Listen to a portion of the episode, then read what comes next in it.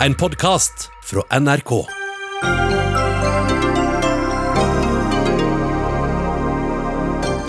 Vi bruker for mye ressurser på koronatesting og sliter oss helt ut, hevder Allmennlegeforeningen. Det er viktig å teste så mye som mulig, svarer Helsedirektoratet. Foreldre protesterer mot konfirmasjonsundervisning fra en sogneprest som nekter å arbeide med kvinnelige prester. Det er ikke opp til dem hvem som skal undervise barna deres, svarer biskop. Høyesterett mener sykling i kollektivfelt forstyrret trafikken unødvendig. En svart dag for syklistene, sier mannen som ble dømt. Og løsningen på segregerte skoler er lavere innvandringstakt, mener kommentator. Det løser ikke noen av de konkrete problemene, mener Oslo-politiker.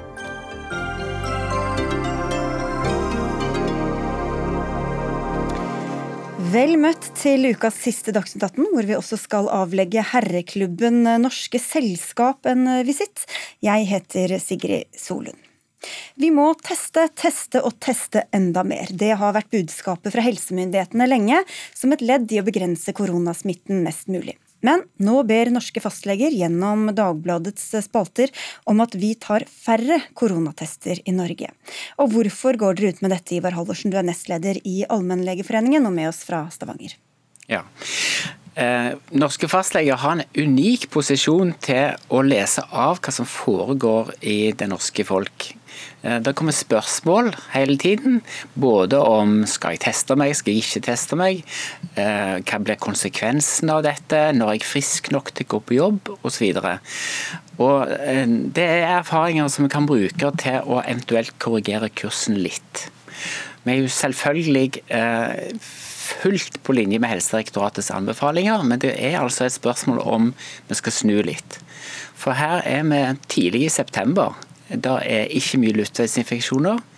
I en del områder i landet er det faktisk null pågående smitte, og vi tester enormt mye. Og Det går an å merke slitasjen på befolkningen og slitasjen og ressursforbruket på personellet. Dette er noe vi trenger å ha gående hele vinteren. Det er jo en maraton dette, og ikke en sprint. Så spørsmålet er brenner vi av ressursene altfor tidlig. Espen Rossum Nakstad, assisterende helsedirektør. Hvorfor skal man teste så mange, også i områder hvor ingen egentlig er smittet? Jeg forstår veldig godt uh, argumentet om at uh, ressursbruk at dette er krevende uh, og krever mye ressurser, og det gjør det. Og den Pandemien krever mye av hele helsetjenesten. Ehm, og så er det sånn at Hvis vi ser tilbake til når vi gikk inn i sommeren, så var det landsdeler som nesten ikke hadde hatt smitte på evigheter. og Da kunne man for så vidt tenkt at man ville ha andre anbefalinger i f.eks. på Østlandet hvor det var mye smitte, enn i Nord-Norge som ikke hadde hatt noe smitte på en stund. Men så har vi da sett utover sommeren og nå når høsten begynner at vi har ganske mye smitte i hele landet faktisk. Nå var det altså forrige uke 62 kommuner med meldte smittetilfeller. Eh, vi tester nesten, eller har flere positive nå enn vi hadde i april. Riktignok eh, også fordi vi da tester mange. Men dette dukker opp flere steder, og vi har smitteutbrudd og økende smittetrend i seks fylker nå. Og Da blir det for sårbart å si at vi bare skal teste ett sted og ikke et annet sted. eller at man må differensiere det. Så Vi er nok nødt til å teste mange nå for å rett og slett fange opp disse tilfellene. Men så vet vi at bare 0,4% av dem som testa seg i uke 34 var smittet. Og så har vi fått høre at vi skal gå og teste oss eh, hvis vi har symptomer, hvis vi har vært i nærheten av noe. Altså veldig, lista er lagt veldig lavt. Hvor hensiktsmessig er det å legge den så lavt når vi ser resultatet av hvor mange som faktisk tester positivt? Du kan si at øh, vi brukte ganske lang tid på å rett og slett eh, få folk til å teste seg med lav terskel, og for å ha en kapasitet til at vi faktisk kunne gjøre det. Eh, og Det er nok mye av hemmeligheten til at vi nå kan leve ganske normalt med veldig mye kontakt, og faktisk fange opp de aller fleste smittetilfellene. Og Den strategien har vært vellykket på den måten at eh, utbruddene har blitt fanget opp og slått ned. Men så er det også sånn at, at dette her eh, har også noe med hvor ofte folk gidder å teste seg å gjøre, selvsagt. Eh, og Derfor så jobbes det nå med andre teknologier, altså både hurtigtester, spyttprøver og andre ting, for at vi skal sikre oss at folk ikke går lei. For det er kanskje en grense for hvor mange ganger du gidder å gå og teste deg i løpet av et halvt år. Det ser vi også. Så, så Derfor så jobber vi parallelt med dette her. Og så er jeg enig med Allmennlegeforeningen at vi må nok spisse dette på litt sikt. Det er ikke sikkert at testing på disse teststasjonene når du kommer inn til landet skal gjøres på akkurat samme måte lenger. Så vi vurderer disse tingene fortløpende. Halvorsen, du sa at dere merker det i din ende. Du er jo selv kommuneoverlege i eh, Stavanger. Hvordan påvirkes helsetilbudet ellers av denne lave terskelen for testing? Dette eh, lager jo en masse spørsmål i hele helsetjenesten. Det treffer fastlegene, det treffer telefontjenestene til kommunen. En, en, bruker veldig mye personell og krefter på dette. Og eh, Stavanger-regionen er et godt eksempel, for vi har ingen pågående smitte nå. Vi har nesten ingen som trenger å bli undersøkt for luftveissykdom, altså at de er syke. Det er nede i ca. 14 per dag på en befolkning på 180 000 mennesker. Men allikevel så tester vi 400 550 personer per dag. Og da er vi ikke inne i risikogrupper, vi, vi tester alt. Og det er det som vi stiller spørsmålstegn. Trenger vi gå så bredt ut når vi leter etter å påvise og finne om vi har noen grunn til å bli bekymra? Men hva, hva er alternativet da, mener du? Eh, befolkningen lurer av og til på om tester kan frikjenne de til å gjøre ting som de ikke burde gjort. Det eh, er jo ikke det som Helsedirektoratet mener, men, men, det er sånne tanker som befolkningen dukker opp med. Og eh, Istedenfor så tror vi at eh, det er veldig viktig å holde på eh, de generelle smitterådene, hva folk bør gjøre uavhengig av testing. Og så må en jakte på de gruppene der smitten oppstår. For Det kan vel være en fare da, Nakstad, at du skal i et middagsselskap på lørdag, og så går du og tester deg på torsdag for sikkerhets skyld, og så er det negativt, og da kan du gå selv om du har litt vondt i halsen? Nei, nei jeg, ser det poenget, men vi har vært veldig tydelige på at uh, du kan ikke teste deg ut av karantene f.eks. Uh, eh, sitter du i karantene, så er det ikke noe vits i å teste seg med mindre man faktisk blir syk. Uh, vi har også vært veldig tydelige på at folk uten symptomer er det ikke noe stort poeng å teste seg. Du skal ha en berettiget mistanke. og de som kommer til landet f.eks., er de med symptomer vi faktisk oppfordrer til å teste seg, i tillegg til hvis du kommer fra et rødt land. Så, men det er klart, det som vi også ser på nå, er hvor mange uten symptomer fanger vi faktisk opp med testing. Og vi ser nå at det er noen. Men det er sannsynligvis mest knyttet til da utbrudd og smittesporing og den type ting, og folk som kommer fra røde land. Og det er ikke sikkert at alle Eh, asymptomatiske, selv om de er nærkontakter f.eks. nødvendigvis skal testes. Det er sånne ting som vi må vurdere framover. Fordi det har vel også noe med statistikken å gjøre her, Halvorsen. Det gir verdifull informasjon om smitte, bidrar til smittesporing, gir god oversikt over smittetall i hele befolkningen når man har så bra med, med testing som, som det man har nå. Ja da, det gjør det. Eh, men, men det koster. Eh, og når vi er i en situasjon i et eh, stort område der det faktisk eh, er rimelig trygt, så er spørsmålet hvilken metode bruker en for å vite at det fortsatt er trygt. Vi, er det nødvendig å teste så mange hele tiden i hele landet? gjennom hele vinteren. Fordi vi er bare i september, og forkjølelsessesongen har bare så vidt begynt vi vet jo at dette her kommer til å ta av, og at det kommer til å bli mer slitsomt enn det er allerede i dag. Nakstad? Ja, nei, ehm, Du er inne på viktig, noen viktige poenger. og det, Vi følger dette veldig nøye hver eneste dag. fordi eh, Det er helt klart at eh, blir det lite smitte i en region f.eks., så kan både stikkprøver og annen type overvåkning eh, være med å holde ting under kontroll. Men situasjonen akkurat nå er sånn at vi har faktisk ganske mange tilfeller. Vi har i Norge altså 13-14 per 100 000. Det er jo mange ganger flere vi hadde tidligere i sommer. I Oslo er det 34 per 100 000. altså Det er en rød by. Og så lenge vi har over 60 kommuner i uka med smittetilfeller, så er vi nødt til å tenke litt bredt. Og så kan det være, forhåpentligvis, da, hvis dette går nedover og vi får mer kontroll, at vi ikke trenger å være like offensive i testing. For du er ikke redd, eh, like redd for at slitasjen allerede er der, allerede før alle har begynt å snufse? Og... Med, med, de testsystemene vi har nå, eh, hvor dette er egentlig frikoblet litt fra den ordinære driften av helsetjenesten, eh, med teststasjoner osv., og, så videre, og vi har teknologi utviklet på NTNU hvor du kan teste, analysere veldig mange prøver, så er jeg ikke så veldig redd for det. Og I Danmark tester de tre-fire ganger flere enn oss per uke, f.eks. Ja. Vi må ha befolkningen med på laget her. Og eh, jeg tror det er en veldig lojalitet eh, hos befolkningen til å la seg teste, i alle fall eh, nå i starten. Eh, men en, en må se at det er nødvendig at det må være en tillit til at eh, mitt, mitt, bidrag, min testing, har betydning. Og Der tror jeg det er meget lett å få folk til å teste seg når det, når det er kjent smitte. Men jeg er litt usikker på om, om det holder i det lange løp når det er vedvarende lite smitte i et område. Ja da, Det er en bekymring vi deler, men så tror jeg også veldig mange som nå tester seg, gjør det også for å bekrefte at de er negative, fordi det er viktig for dem, og de har symptomer. Og da har de på en måte bidratt til ikke å spre smitte i samfunnet, og det er også viktig å vite. Sånn at Testkriteriene er jo lagd også ikke minst for å utelukke covid-19 hos folk med symptomer. Eh, men selvsagt så må vi ha folk med oss videre hvis vi skal lykkes med dette. Før du slipper ut, Nakstad, det var jo også pressekonferanse om status i dag. Hva er siste nytt på den smittefronten der? Nei, Siste nytt er eh, for Oslos del og de som reiser inn ut av Oslo, er at eh, rådet om munnbind varer en uke til. Ehm, og så er det også sånn at eh, vi er litt bekymret for disse mange utbruddene som jeg nevnte, som er ganske store noen steder. Og vi registrerer også at det er ganske mange yngre mennesker nå som, som er smittsomme. På den positive siden så er det jo da ikke noe veldig økning i innleggelser på sykehus. Men det er såpass mye smitte i Norge nå at vi er litt bekymra og håper at vi kan få tallene ned nå litt. Dere har ikke helt kontroll over Bergen? Vi har foreløpig kontroll, men det er såpass mye f.eks. i Bergen, eh, såpass stort utbrudd, at det er klart da øker risikoen for at noen tilfeller kan glippe under radaren, og at det bidrar til en forlenget utbrudd f.eks. i Bergen. Så det, det, følger vi veldig nøye med på. Og så åpnet dere noen regioner i Danmark og Sverige, og så er det mange som lurer på hva er egentlig en nød, strengt nødvendig reise? Ja, nei, Da vil jeg nesten si litt som helseminister, det tror jeg de fleste skjønner selv. Altså Harryhandel, eh, som de kaller det, da, det er ikke en nødvendig reise. Men eh, noen har slekt, noen har, eh, har familie som kanskje er syke, eller, eller eh, eldre slektninger osv. som de må ha en viss kontakt med. Så, så, da er det noen reiser som selvsagt er nødvendige, men det viktige er at man passer på når man kommer hjem igjen. og holde seg hjemme hvis man blir syk, teste seg hvis man får symptomer, og være forsiktig også når man reiser til Sverige, for det er fortsatt en del mer smitte i Sverige enn i Norge. En appell der til slutt fra Espen Rostrup Nakstad, assisterende helsedirektør. Takk til deg, og takk til Ivar Halvorsen, som altså er nestleder i Allmennlegeforeningen.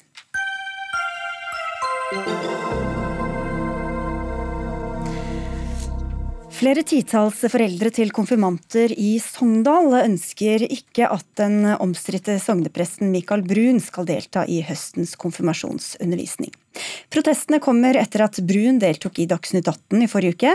Da fortalte han om sitt konservative bibelsyn, og om hvorfor han nekter å ha gudstjeneste og nattverd sammen med kvinnelige prester. Hør og se her. Det er eh, klart at for oss som eh, leser Bibelen og kirkens historie slik at eh, prestetjenesten er forbeholdt menn, så er dette viktig. Nettopp fordi når vi leser dette i Guds ord, så tenker vi at Guds ord er evig og uforanderlig og står fast og kan ikke forandres. Og for å kunne leve da og jobbe som prester i tråd med vår samvittighet, så er det viktig å kunne få lov til å følge dette som, har vært, som det har vært samvittighetsfrihet om i Den norske kirke, siden den første kvinne ble ordinert. Og I etterkant av dette er det altså mange foreldre som har sendt inn et brev til kirken og bedt om at Michael Brun ikke skal ha konfirmasjonsundervisning. Du er en av dem, Lillian Bruland Selseng. Hvorfor har dere gjort det? Bakgrunnen er som du sier at når vi ble kjent med at vi har en sogneprest som diskriminerer kvinner, så reagerte vi mange på det.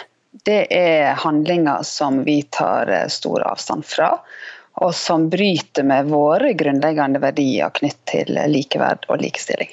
Men det, ja, det er vel ikke det han skal prate om i konfirmasjonsundervisningen. Hvorfor er det så farlig om han kommer inn og snakker med konfirmantene noen ganger?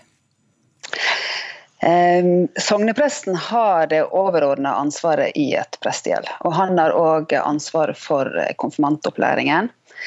Eh, når han har såpass spesielle holdninger til kvinner at han er nødt til å be om å få reservere seg fra norsk lov, så blir jeg skeptisk til hvordan det kommer til å påvirke undervisningen til våre barn. Sognepresten har uh, fått muligheten til å delta her i dag, men takket nei. Uh, men biskop i Bjørgvin, Halvor Nordhaug, hva svarer du disse bekymrede foreldrene? Da svarer jeg jo at jeg i utgangspunktet deler det grunnsynet som disse foreldrene har. Jeg mener jo at vi skal ha eh, likestilling mellom kvinner og menn på alle nivåer i kirken. Halvparten av biskopene er kvinner, så vi har kommet et godt stykke på vei. Men vi trenger mange flere kvinnelige prester, ikke minst i mitt bispedømme. Så det engasjementet er vi sammen om. Og så har det vært slik da gjennom årene at det har vært en uenighet i kirken om dette. Og de som før var i flertall, de er nå i et undrende mindretall. Det er de som mener at kvinner ikke kan være stå i prestetjenesten, og at det som Paulus skriver om at kvinnen ikke skal ha læreansvar, det gjelder fortsatt. Det mener altså ikke jeg. Men for dem som har ham som sogneprest, må de jo forholde seg til ham. Så hva, hva skal foreldrene ja. gjøre? Nå er Det sånn at det er et team som leder konfirmantarbeidet. Han er ikke alene, det er mange som jobber sammen. og eh, det er jo riktig som du ble sagt, at dette er jo ikke egentlig et tema i konfirmantundervisningen. Eh, det går an å diskutere det. Og jeg tror at han er åpen for motforestillinger. Det er han vel vant til å møte. Og så er det jo også sånn at Man kan ikke velge bort prester etter eget forgodtbefinnende. For det finnes jo også de som for eksempel, La oss ta et annet spørsmål da, som er vel så aktuelt, dette med likekjønnet vigsel. Er det noen som ikke vil ha prester som vier likekjønnede, mens andre vil ikke ha prester som ikke vier likekjønnede. Og det er lagt inn bestilling tidligere her i Askøy utenfor Bergen. Så ville man reservere seg mot en konfirmantprest fordi vedkommende var konservativ i synet på ekteskapet. Og Det er veldig vanskelig å gå inn på en sånn linje. Det er ødeleggende for arbeidsmiljøet. og det eh, blir eh, ja, det blir krevende rett og slett for meg som arbeidsgiver å imøtekomme den type bestillinger. Da. Ja, Selseng? Jeg forstår at det kan være travelt med mange ulike foreldre som har eh, meninger om hvordan ting skal gjøres. Men vi har noen grunnleggende rettigheter og prinsipp i Norge som vårt samfunn bygger på. Deriblant knytt til likeverd og likestilling. Eh, så når de blir brutt, så, så tror jeg dere både må forvente og helst lytte til, tenker jeg, at vi reagerer på det. Eh, for det som du nevner, at selv om det er få prester som eh, velger å bruke denne reservasjonsretten, så har det veldig store konsekvenser for de lokale sokna som blir utsatt for det. Noreg. Ja, nå er Det jo sånn da at eh, det synet som Brun representerer, og som jo er i et klart mindretall her i Norge og i Den norske kirke, det er jo på verdensbasis det rådende synet. Flertallet av verdens kristne lever i kirker som ikke har kvinnelige prester. Jeg tror kanskje vi må forholde oss til at verden er litt større enn Norge, og at vi også bør ha en viss trening i å møte folk som har et annet syn. Og at konfirmantene Ok, Det kan bli provosert av det Michael Brun står for, men jeg kan ikke se at det er noen skade å bli utsatt for noen som tenker radikalt annerledes, også om noe som for oss er selvfølgelig, nemlig full likestilling. Ja, eh, Bruland Selsing, hvor, hvor, går grensa da? Hva slags holdninger eh, skal vi tillate hos eh, prester og sogneprester som da skal snakke med konfirmantene, og hva er det innafor og hva er utafor? Jeg tenker at uh, ungdommene kan godt bli utfordra på en måte som er utviklende og konstruktivt for dem. Men nå må ikke vi glemme at vi snakker ikke her om en dialog mellom to likeverdige parter. Vi snakker om ungdom som er i et utdanningsløp, som møter en autoritet på feltet. Og denne autoriteten har valgt å sette norsk lov til sides. Så det er, en, det er en svært, svært spesiell situasjon som Kirka skaper ved å godkjenne og godta en reservasjonsrett. For Nora, Selv om ikke det er eh, kvinnelige prester han nødvendigvis skal snakke om, så bunner det jo i et verdisyn som vel vil gjennomsyre alt han sier, eller i hvert fall mesteparten av det? Altså Temaet er jo eh, menneskeverd i konfirmantundervisningen. Der kommer ikke kvinnelige prester opp. og Jeg tror ikke Michael Brun eh, mener noe annet grunnleggende om menneskeverd enn det de andre gjør i teamet. Og han er altså ikke alene om denne, denne undervisningen. Og Konfirmantforeldrene skriver jo i sitt brev til meg at de ønsker en raus og mangfoldig kirke. Det er jeg enig i, men jeg spør kan ikke denne rausheten også strekkes ut til de som er konservative, og som mener det som eh, vi andre er uenige, men vi kan godt møte den meningen, for den er faktisk forholdsvis utbredt i verden. Jeg hører at biskopen ber oss om å tolerere denne diskrimineringen. At han ber oss om å være raus overfor eh, holdninger og praksiser som går utover andre. Jeg syns det er et trist signal. Eh, jeg ønsker ikke dette. Jeg ønsker heller ikke at barna mine skal gjennom konfirmantundervisningen bli stimulert til å tenke slik. Jeg vil de skal lære seg å reagere når det skjer urett. At dette er utbredt i andre deler av verden, som du har sagt et par ganger nå, Nordhaug, hvor man kanskje også har et annet syn på kvinnens rolle i samfunnet, hvorfor er det egentlig relevant for de konfirmantforeldrene i Sogndal? Nei, Det er jo noe med at det er jo ikke bare i verden, men det finnes jo også her i, i Norge en, flere kirkesamfunn som ikke praktiserer kvinnelige prester. og Det største av dem er den katolske kirke, som er verdens største kirke. Ja, jeg mener at det, vi må kunne snakke sammen. Eh, og jeg frykter for liberaliteten i dette samfunnet hvis den type meninger som Michael Brun eh, har, skal bli møtt med en sånn type no platforming. Mm. Han skal ikke få ordet i forhold til våre konfirmanter. Det syns jeg er veldig stramt. Men så deler jeg altså da engasjementet for likestilling, og jeg syns at Michael Brun skal tåle å bli konfrontert med det, og det blir han jo også nå av konfirmantforeldrene, og det vil han også bli av konfirmantene. Men dere tillater jo ham til å reservere seg, hvorfor skal ikke konfirmantforeldrene få reservere seg? Nei, altså Det handler jo om at vi i en sånn situasjon, hvis eh, brukerne skal vi si, av kirkelige handlinger fikk lov til å velge fritt, som om dette her var Eh, en type selvbetjening, så ville vi få en helt uholdbar situasjon. For det ville jo ikke bare gjelde konfirmanter, det ville gjelde dåp, det ville gjelde gravferd og det ville gjelde bryllup. Og Det blir helt uholdbare forhold. Og det er altså lov i Den Norske kirke fortsatt til å være mot kvinnelige prester, selv om flertallet av oss og Kirkemøtet og biskopene er for. Dere blir ikke hørt eh, på Fjernhamshelsing, hva gjør dere nå? Nei, eh, vi har jo ikke så veldig mange andre muligheter enn å prøve å formidle hvorfor dette er vanskelig for oss. Eh, jeg kunne jo ønske at vi kunne bli møtt med den samme institusjonelle støtten som eh, presten får. De sier at han må respekteres overfor sin samvittighet over hva han ikke kan være med på. Jeg kunne jo ønske at vi òg kunne blitt møtt på det som vi syns er vanskelig å være med på, ut fra vår samvittighet. Men vi må bare ta til etterretning det de tilbyr oss, og så får vi eh, se videre. Men altså, Han er alene blant de som underviser om å ha dette synet. Alle de andre er tilhengere av kvinnelige prester og enig med dere. Og så har dere hatt omtrent 40 utmeldelser etter denne saken. Er det verdt det, Halvor Norhaug? Nei, Det er selvfølgelig bekymringsfullt. og Jeg håper jo at de som nå er konfirmanter og konfirmantforeldre, at dere tar konfrontasjonen med Mikael Brun og, og blir værende i kirka, fordi folkekirka står veldig sterkt i Sogn. og Jeg håper at den fortsatt skal være viktig for dere. Da gjentar jeg at han eh, fikk tilbud om å komme og takket nei til det, men vi takker dere som eh, takket ja, biskop i Bjørgvin Halvor Nordhaug og eh, konfirmantmor Lillian Bruland Selseng.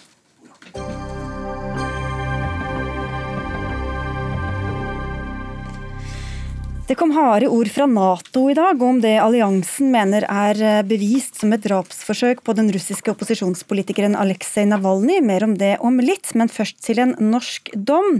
For i dag ble det kjent at Høyesterett eh, forkastet anken fra syklisten som ble dømt etter å ha syklet i kollektivfeltet på E18 ut av Oslo. Syklisten ble først frikjent i tingretten, men saken ble anket til Borgarting lagmannsrett, hvor han ble dømt til å betale en bot på 8000 500 kroner. Høyesterett begrunner beslutningen med at syklisten forstyrret trafikken unødig. Vi skal dykke litt ned i dommen etter hvert, men eh, Morgan Andersson, du er generalsekretær i Syklistenes Landsforening. Hva sier dere til den dommen? Nei, Vi ser jo på den med skuffelse. Vi tror nå at det vil være vanskeligere å være syklist og vite hvor du kan sykle og ikke, ikke sykle i Norge. og da oppfordres vi til å dele veien, men det er ikke så enkelt uh, lenger. Vi opplever ikke at han unødig forstyrra trafikken. Eh, de var på, på, vei inn i, å flette inn i en uh, stillestående kø noen hundre meter frem. Ja, fortell litt til alle som ikke har sett bildene eller fulgt saken, hva som faktisk skjedde. Ja, Vedkommende sykler på Mosseveien i kollektivfeltet og blir vinka inn uh, av politiet der. Det er ikke mulig for han å sykle til siden der der han sykler like før han treffer politiet. Eh, og blir vinka inn for, for unødig forstyrre trafikken. og Det har avpåværet seg en viss kø bak han, men eh, bare noen få hundre meter seinere så vil de da flyttes inn i en stillestående kø i venstre felt. Mm. Så det, konsekvensen er at det er ingen som ble eh, kom senere hjem til middagen. Verken i bussene bak eller andre. Men en del irritasjon kan han jo allikevel ha skapt, da? Det kan absolutt være tilfellet. Vi skal til juristene snart, men først til deg, Bård Hoksrud, stortingsrepresentant og medlem av transport- og kommunikasjonskomiteen. Du representerer Fremskrittspartiet. Forstår du, eller synes du, at det burde være straffbart å sykle sånn som han gjorde? Jeg skjønner i hvert fall at det blir spørsmål nå, men det handler jo faktisk om at man skal vise aktsomhet og ta hensyn til andre i trafikken. Eh, så det er sånn at eh, elbiler får f.eks. ikke lov å kjøre i rushtid, eh, nettopp med bakgrunn i at det skaper og det er viktig at kollektivtrafikken kommer fram. Så, så, jeg skjønner jo sånn sett litt dommen, men jeg skjønner også syklistene som syns at det virker litt rart. For det er jo egentlig sånn utgangspunkt så er det jo lov, men så blir det ulovlig eh, med bakgrunn i at det hindrer andre trafikanter. Bør man da bruke sykkelvei der det er anledning til det, selv om den kanskje er veldig kronglete og det går sakte? Ja, Utgangspunktet er jo at vi bruker ganske mange millioner kroner, eh, i titalls millioner kroner og hundretalls millioner kroner i året. Vi har akkurat bygd en ny ekspressykkelvei til eh, over, godt over 1,3 milliarder kroner. Så jeg skjønner jo at en del både bilister og, og de som kjører bussene osv. eh, reagerer litt. Så, så, det er jo noe med å vise og ta det hensyn som vi alle har som trafikanter. og Det kan skape irritasjon og, og uned, unødige forsinkelser ved at eh, syklistene da velger å ikke, ikke, ta hensyn til de andre trafikantene, som man bør gjøre. Andersen? Ja, vi eh, registrerer jo det at det var et alternativ der, og det ligger også i dommen at han burde ha valgt det andre alternativet. Men det alternativet er langt fra godt nok. Det er noe av problemet. Eh, Grønneng, eh, som da er domfelt her, han eh, vurderte det slik at han ville skåne de som var på den gang- og sykkelveien. Der er det mange gående, det er barnevogner, det er barn, det er trangt, i rushen spesielt. så Derfor så valgte han å sykle i, i, kollektivfeltet. Og Det handler jo også om at det skal være effektivt å velge sykkel. Vi har nasjonale ambisjoner om at 20 av reisene våre i de store byene skal tas med sykkel. Da må man legge til rette for nettopp det. Og her, denne dommen her legger jo ekstra press på myndighetene og veimyndighetene at nå må det virkelig eh, skytes fart i utbygging av et sikkert, effektivt eh, sykkelveinett. For det interessante her er jo hvordan denne dommen kan leses også for eh, andre syklister og bilister osv. andre steder. Og det er ulike reaksjoner i jusmiljøer. Olav Torven, du er professor ved Det juridiske fakultetet ved Universitetet i Oslo, og jeg kan vel også legge til en ivrig syklist. Hva, hva, hva mener du blir konsekvensene? Hvordan leser du denne dommen? Jeg syns den sender et veldig farlig signal. For jeg tror at uh, her kommer det til å være mange si, aggressive bilister som tenker at nå kan vi ta disse syklistene. De, de får har å flytte seg vekk. Så det, det signalet har Høyesterett gitt nå, og det syns jeg er veldig problematisk. Og jeg syns også at det er på veldig mange måter en svak dom. Hvordan da? Ja, øh, den har reist to spørsmål, to hovedspørsmål. Det ene er et prinsipielt spørsmål. og det er hva krav til lovhjemmel når man skal straffes. Hvor altså det følger av Grunnloven og menneskerettighetene at du skal ha en lovbestemmelse som sier at det du gjør er straffbart, og den skal være klar for at du skal kunne straffes. Og Situasjonen her er at vi har én klar bestemmelse som sier hva du kan gjøre og ikke kan gjøre, og det er trafikkreglene som sier at du kan sykle i sykkelfelt. Den sier uttrykkelig at det er lov å sykle i sykkelfelt, og så sier at ja, men akkurat nå var det kollektivfelt, kanskje altså, ja, Unnskyld, kollektivfelt. Ja, det er mange felt å holde ja, rede for. Ja, jeg, mener, jeg mener kollektivfelt. Det er lov å sykle kollektivfelt. Der er, der er trafikkreglene helt uttrykkelige. Og jeg har levd i den tro at eh, hvis jeg følger det som uttrykkelig står i trafikkreglene, da skulle jeg iallfall juridisk sett være på sikker grunn. Og så sier jeg nei, men akkurat i dette tilfellet her, da var det kanskje du hindret litt trafikken. Og, og, altså, alle som er i trafikk, hindrer trafikk, og de som hindrer trafikk, det er mer enn noen annen, eller iallfall hindrer kollektivtrafikk, er jo elbilistene. Eh, men eh, at man da skal risikere at du følger de uttrykkelige bestemmelsene i trafikkregelen, og så skal du bli straffet for det. Det syns jeg er mildt sagt problematisk.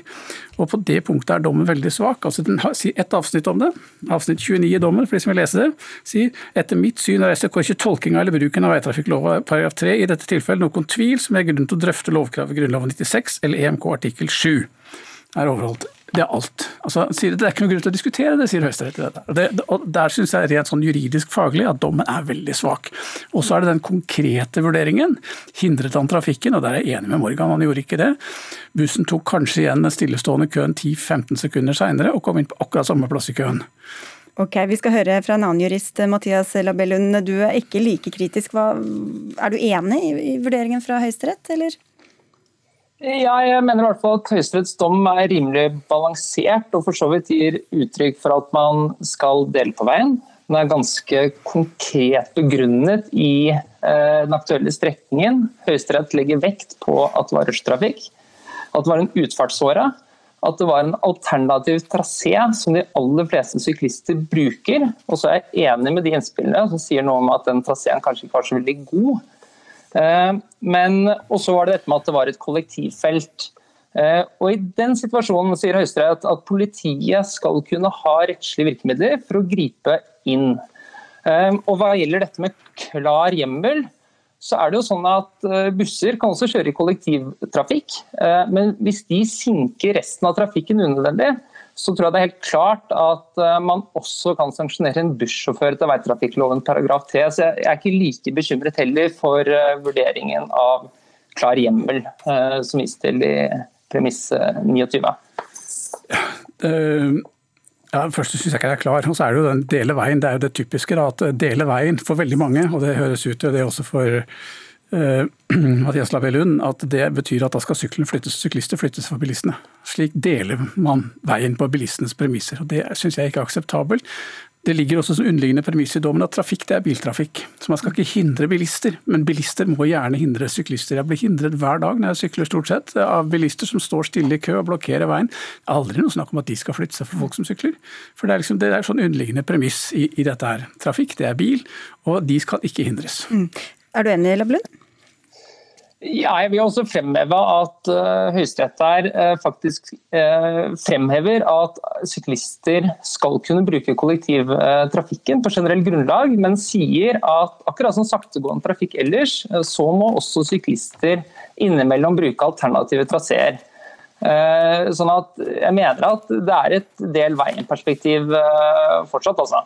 Det dreier seg om et par hundre meter og noen få sekunder. Men, men, men, ut fra det som vi hører her, da, så, så, spørs det da hvor eh, representativt dette er for alle andre situasjoner. Om det, om det gjør noe med hvordan syklister faktisk trenger å, å forholde seg. Andersson, mener du at, at, at dette er noe som kan generaliseres ut i mange forskjellige situasjoner?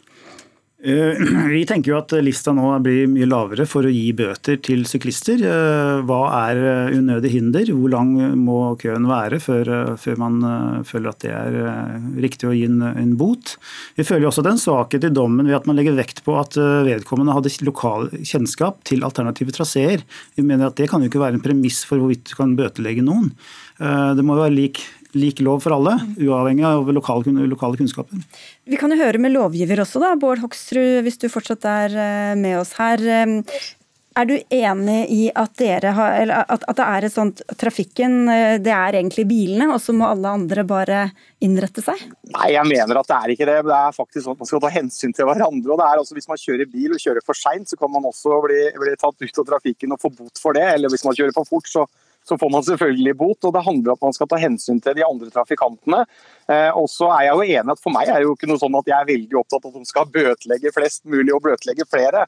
Eh, men jeg tror at det er viktig at også syklister, hvis man eh, åpenbart skjønner at her vil man jo være til Og jeg oppfatter jo det at når man da ligger foran et kollektivfelt, og det blir kø bak og bussene ikke kommer fram, så er det jo til hinder for, for andre trafikanter. Men jeg syns å brande inn bilen i et kollektivfelt blir litt sånn søkt, uh, som blir også gjort her. Da. Jeg må bare si til alle som hører oss på radio at du sitter inne i bilen din og er med oss. Men det det er, deres feil da, som ikke har eh, lagt et system hvor det er plass til både fotgjengere og bilister og syklister og kollektivkjørende? Men nå bygges det ut i voldsomt stort tempo rundt omkring i landet. og Noen er jo litt i stuss på hvor mye penger man bruker på noen få korte strekninger. Vi kunne brukt de litt mer effektivt og bygd enda litt mer gang- og sykkelvei, og ikke kanskje lagd ekspressvei som man har gjort eh, akkurat i Stavanger nå, men det er kanskje en annen debatt. Ja, det tror jeg ennå får bli en annen debatt. Man klager at man bruker, det koster 100 000 kroner meteren å lage kjempegod sykkelvei, og så bruker man 4-6 millioner meter for å lage motorvei vest for Oslo. ok, vi skal avslutte. Andersson, du sier hvordan du frykter frykter at dette kan bli tatt opp. Men hva mener du, hvordan bør syklister nå forholde seg til det som er kommet i dag, da? Eh, det er, eh, Man må jo forholde seg til dommen selvfølgelig som sådan. Eh, det står i dommen at den ikke skal vektlegges som en prinsipiell sak, som en prinsipiell avgjørelse, men at det handler om denne konkrete situasjonen. Samtidig så står det i dommen at den skal virke rettledende for hvordan man tolker grunnregelen i paragraf 3, altså den aktsomhetsparagrafen i veitrafikkloven. Altså at man ikke skal være til hinder? Ja, så mm. det, det, finner vi motstridende. Ok, Så intet nytt under solen, men litt, likevel litt nytt, Mathias Labellund, til slutt her. Ja, absolutt. Og jeg er ikke veldig bekymret. Jeg kommer til å fortsette å pendle til og fra jobb når jeg slutter av hjemmekontor, eh, som jeg har eh, på min arbeidsplass, eh, og tror det skal gå helt fint. Og med unntak av akkurat Mosseveien, da kommer jeg nok til å bruke den traseen som går ned langs, langs sjøen, som jeg alltid har brukt tidligere også. Pust med magen og vis hensyn, det får bli oppsummeringa. Takk skal dere ha alle fire. Morgan Andersson, generalsekretær i Syklistenes Landforening. Eh, Olav Torven, som er professor ved juridiske fakultet ved Universitetet i Oslo. Til Fremskrittspartiets Bård Hoksrud og Mathias Labellund, som også er jurist.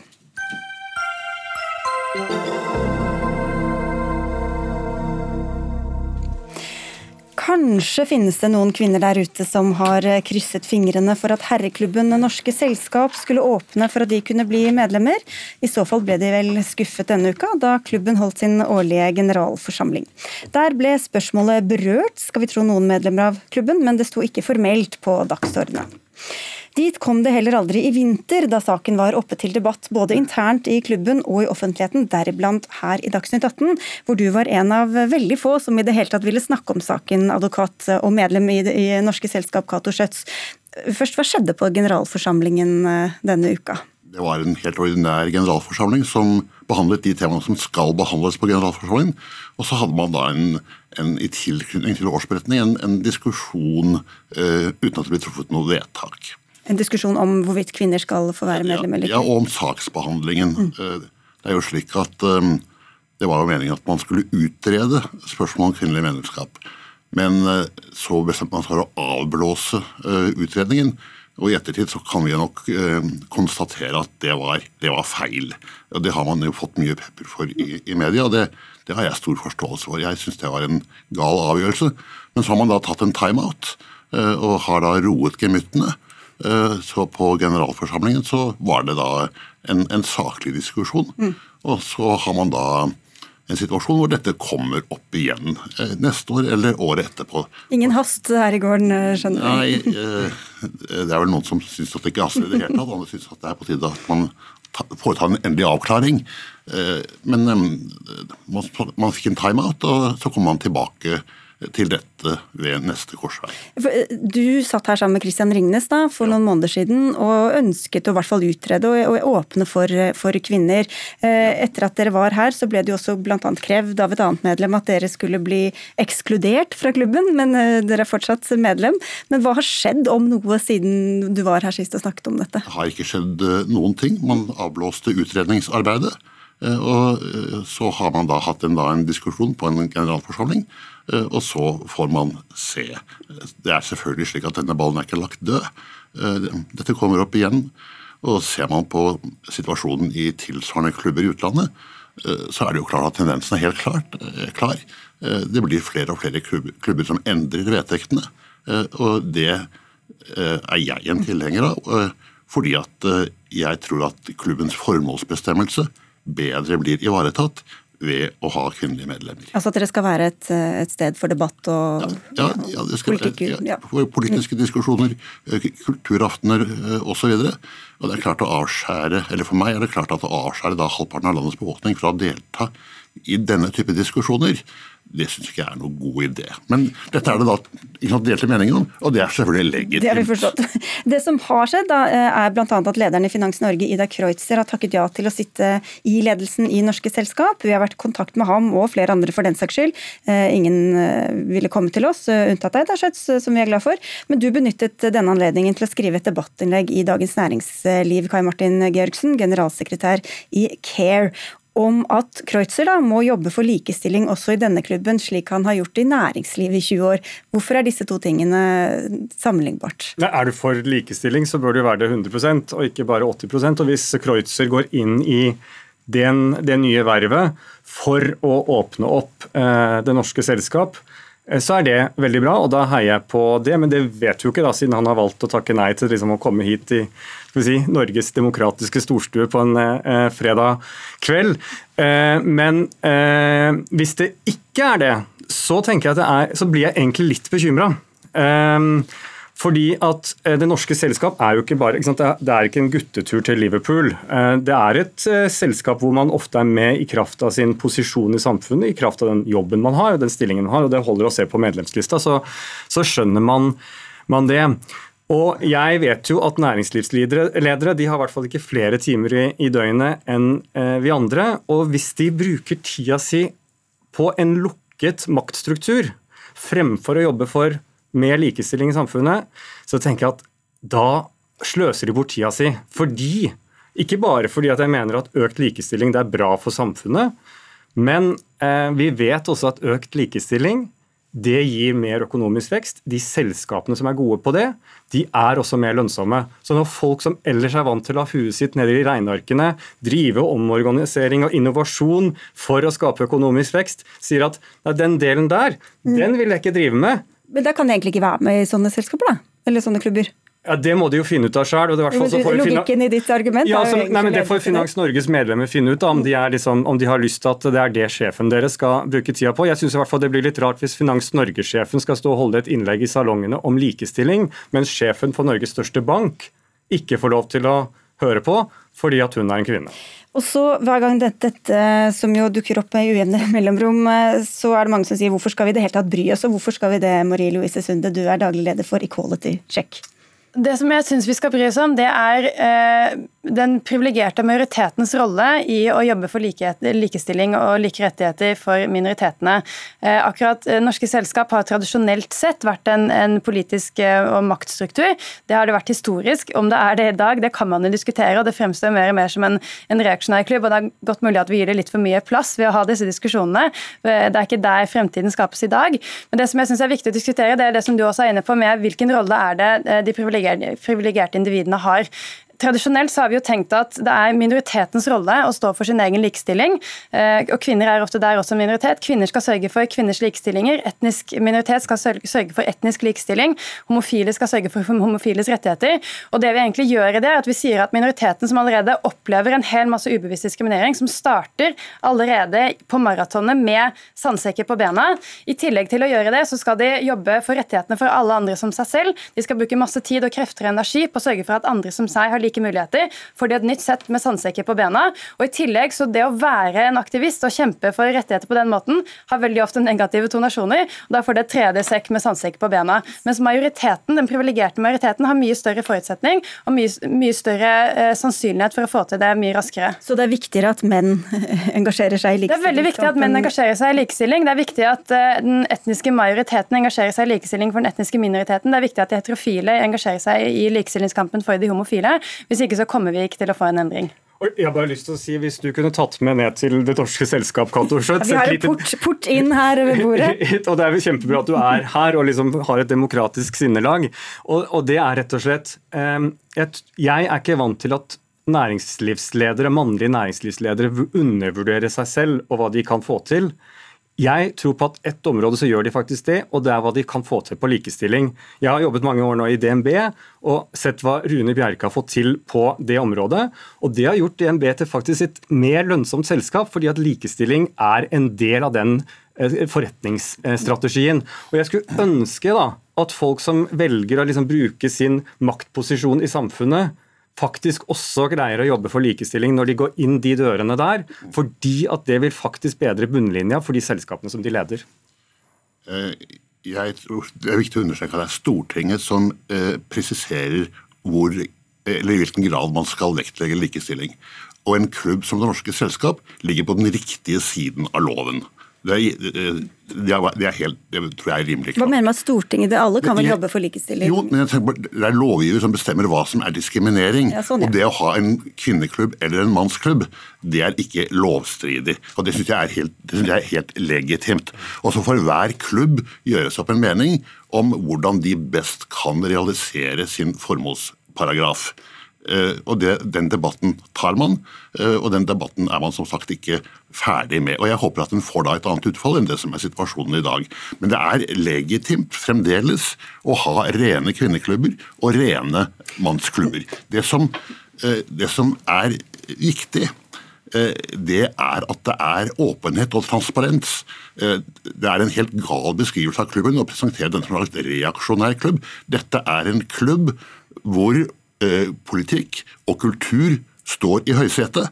Uh, og det er ikke noen maktklubb eller indre sirkler eller mørke skygger. Nei, Men vi vet jo ikke hva som ble diskutert rundt bordene som, utenfra. Nei, altså, de det, gjør man ikke i, det gjør man ikke i, i norske selskap heller. Og så er det ikke tilfeldig hvem som sitter der heller. Man, man, har en åpenhet med hensyn til hva man diskuterer. Det er ikke noe hemmelig i det norske selskap, og det er ikke noe skjulte maktstrukturer. Ok, Vi skulle få en kort kommentar fra ja. rundt her. Eh, man må alltid ha historien i kontekst når man snakker om sånne ting. og Tradisjonelt så historisk så har norske selskap vært et sted hvor makteliten møtes. Det er et uformelt forum, men vi vet at uformelle forum er viktig.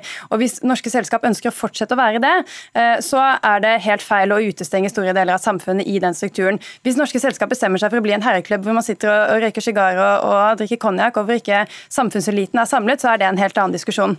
Og jeg, sant, jeg, begynte i denne jobben som generalsekretær i CARE på tirsdag. Jeg er kjempeglad for å få komme hit og, og snakke om det. Jeg er kjempestolt av, av det. Jeg syns det er litt rart at folk som fikk et nytt verv på mandag kveld, eh, liksom skammer seg og ikke kommer til å Det vet vi jo ikke om han gjør, da. Det, eh, Nei, men får ikke tør å snakke om det og, og stille i, i, i, debatt. For jeg tenker at næring... Han må jo bli litt varm i trøya før man, eh, før man En som har kjempet 20 år for likestilling, ja, ja. må jo forventes også kunne holde den fanen høyt. Da er det Ida Kreutzer dere snakker om, skjønner jeg. Ja. Det syns jeg er helt legitimt å avvente. Kan komme med en liten, liten, kommentar til det, så er det veldig mange i det norske selskap som har uttrykt veldig tydelig at dette er ikke noe de står for. Eh, og Ida Kreutzer har jo lenge jobbet for det på utsiden, så jeg syns man skal være forsiktig med å legge folk motiver. Jeg håper jeg kommer tilbake om ett år og feirer at det har gitt gjennomslag. Men vi ser også at veldig mange medlemmer nå i større grad melder seg ut, sånn at det er en stor bevegelse også blant medlemmene der.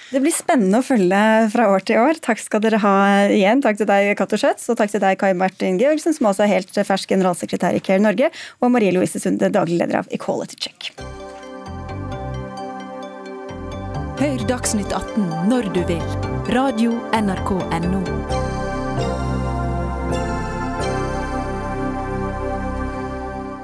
Alle Nato-landene fordømmer det alliansens generalsekretær Jens Stoltenberg omtaler som citat, 'det forferdelige likvideringsforsøket' citat, slutt, på den russiske opposisjonspolitikeren Aleksej Navalnyj.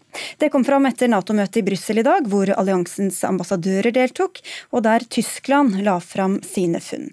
Navalnyj ble som kjent sendt fra Sibir til Berlin i ambulansefly etter en mistenkt forgiftning for et par uker siden. Ifølge Stoltenberg er det ingen tvil om at bevisene viser at Navalnyj ble forgiftet, noe han slo fast at er et uakseptabelt brudd på internasjonale normer og regler. Og NRKs eh, Moskva-korrespondent for tiden hjemme i Norge, Jan Espen Kruse, hvordan vil du beskrive denne nokså kraftige reaksjonen fra Brussel i dag? Ja, Det var en veldig sterk og klar melding fra Jens Stoltenberg. Han eh, brukte adjektiver som han sjelden bruker i internasjonalt diplomati. Dette med den forferdelige drapsforsøket, umenneskelig bruk av, eh, av nervegift. Så eh, han gikk knallhardt ut mot Russland. Det må vi kunne si. Det var ikke, han sparte ikke på kruttet. Men hvordan kan de være så sikre på at dette var et, et drapsforsøk fra russisk side? Ja, alt dette er bygget på eh, konklusjonene fra eh, tyske eksperter. Det er, det er, tyske myndigheter som har lagt fram eh, disse opplysningene om at det er bekreftet at det er snakk om nervegiften Novitsjok, som ble produsert under Sovjetunionen. Og de fleste eksperter er enige om at denne giften bare finnes i Russland. Mm, men det er jo ikke dermed sagt at det er russiske myndigheter som står bak, eller? Nei, det er det ikke. Nå sier eh, rimeligvis Navalnyjs tilhengere at eh, det å bruke denne giften er omtrent som å legge visittkortet sitt på det stedet hvor drapsforsøket har funnet sted. Eh, men det er jo ikke noe bevis, for så vidt. Men Eh, tyskerne sier da at eh, det er knapt noen andre som kan ha gjort eh, dette her, enn at i hvert fall at det er gjort på russisk side, mm. men ikke direkte at det er russiske myndigheter som har gjort det. Og Hvordan reagerer Moskva på det som ble sagt i dag? Ja, det er jo, Der er man på to helt forskjellige planeter. Altså Det som ble sagt i Brussel med Stoltenberg er jo én ting. Og så det russerne sier, de er jo helt konsekvente. De sier det. Det har ikke vært noe forgiftning, det har ikke vært noen eh, no, noe drapsforsøk. Har, altså, russiske leger hevder at ikke, de har funnet spor av noe gift. Sånn at eh, Den russiske versjonen er at det, det er ingen sak. Og de benekter rett og slett absolutt alt. Og, og, og da er jo problemet når Stoltenberg krever en internasjonal gransking av dette her, og er voldsom i sin fordømmelse, hva, hvilket gjennomslag får han? Da er mitt svar at det tror jeg blir ganske, ganske spakt. Men hva kan det gjøre med forholdet mellom de vestlige landene og Russland, tror du? Ja, det, det sa jo for så vidt Stoltenberg også, at eh, alt blir vanskeligere i forholdet mellom Russland og Vesten pga. Uh, Navalnyj-saken.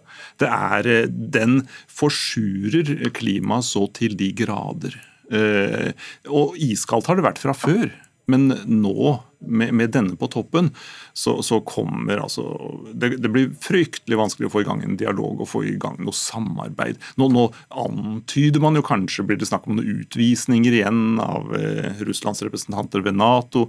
Eh, blir det snakk om økonomiske sanksjoner, straffetiltak av forskjellig type? Eh, alt kommer jo til å bli eh, Russland kommer til å eh, si at alt er Vesten som rotter seg sammen mot, eh, mot russerne. Og Navalny, hva skjer med han? Ja, Han får behandling ved dette sykehuset i eh, Berlin. og De tyske legene sier at det går sakte framover. Han er fortsatt i koma, han er fortsatt på respirator. Men det virker ikke som han er i livsfare. Selv om legene sier at man kan ikke vite hva slags langtidsvirkninger han eventuelt vil få av denne nervegiften. Takk skal du ha, Jan Espen Kruse.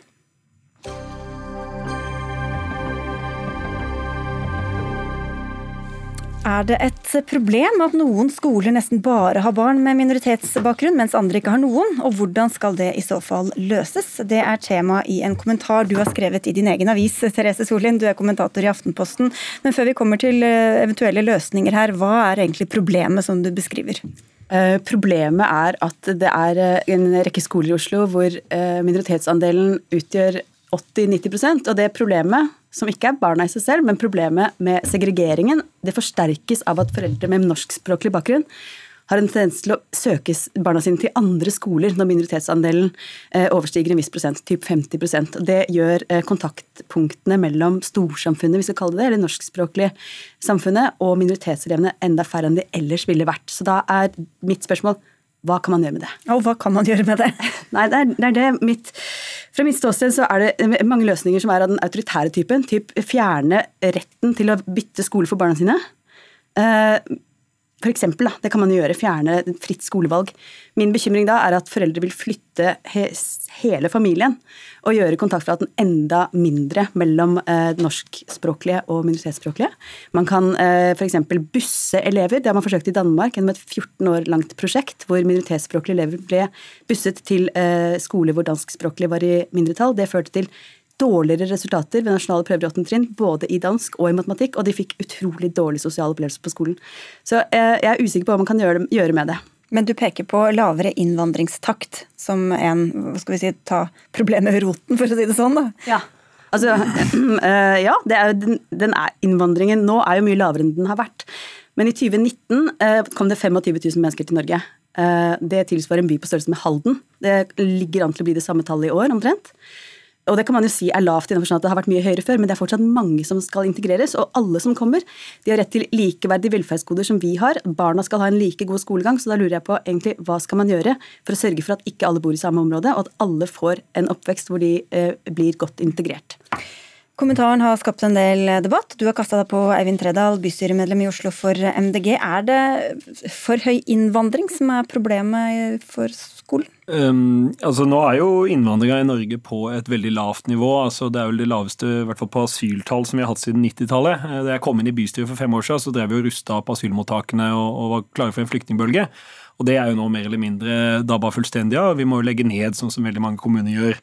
Eh, og I tillegg så ser vi f.eks. når det kommer til eh, ja, spesielt asylsøkere, da, de som, som, det krever ekstra ressurser å, å, integrere, så er jo det også når det kommer til familiegjenforening, som, som Solin er inne på, eh, veldig få av dem som er eh, folk som kommer pga. asylsøkere. Av de 12 500 som kom gjennom familiegjenforening i fjor, så var det 1450 som kom pga.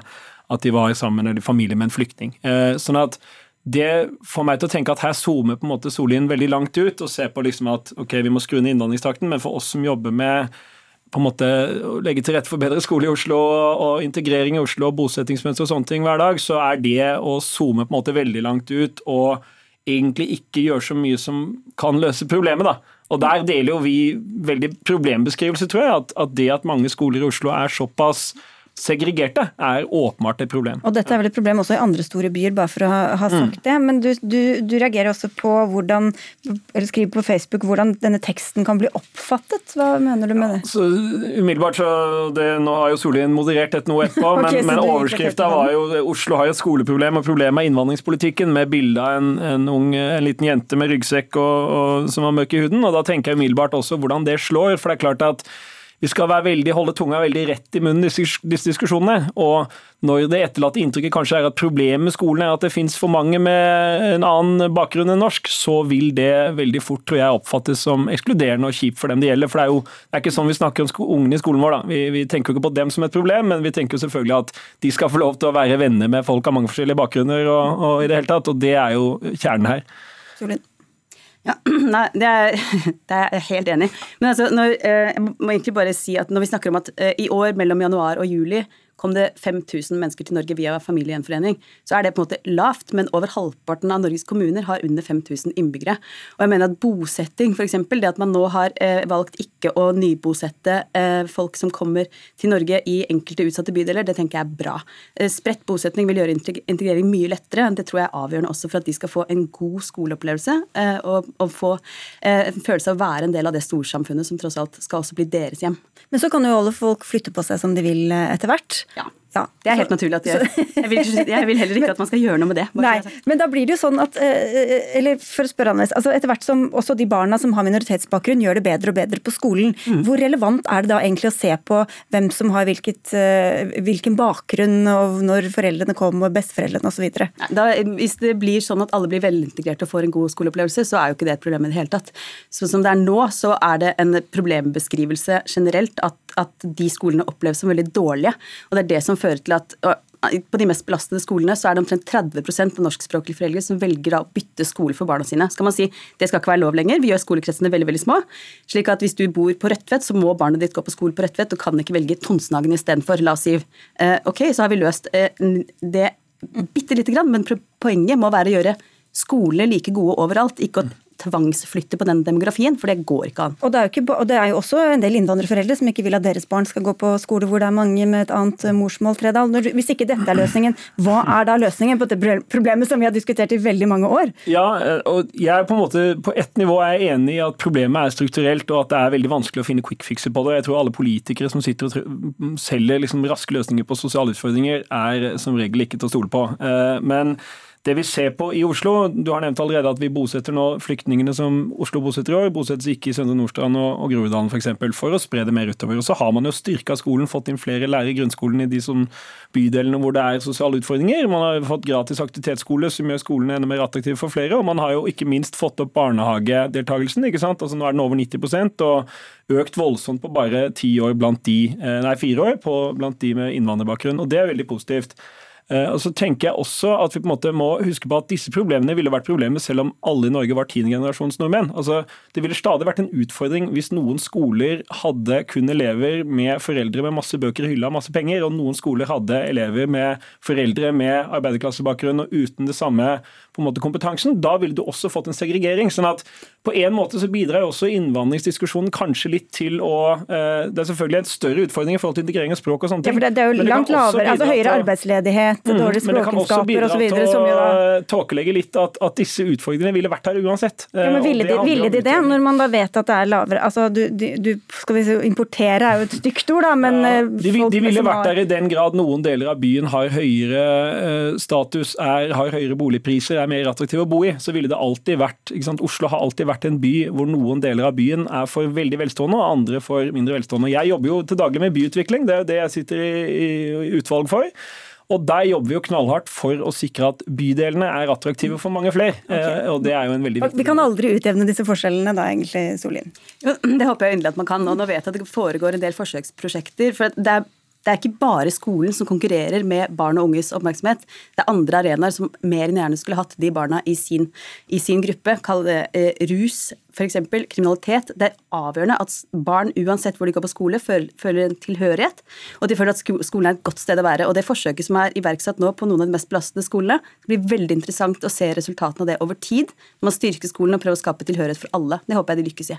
Dette er jo egentlig en kjempestor debatt som vi fikk krust på overflaten av, og takk skal dere ha for at eh, dere kom og gjorde det. Therese Solien, kommentator i Aftenposten, og Eivind Tredal fra MDG. Dagsnytt 18 tar helg, og ønsker god helg til alle våre lyttere og seere. Dag Dørum, Hanne Lunås og jeg, Sigrid Solen, var ansvarlig for sendinga.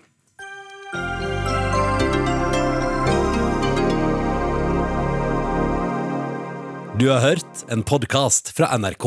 Hør flere podkaster og din favorittkanal i appen NRK Radio.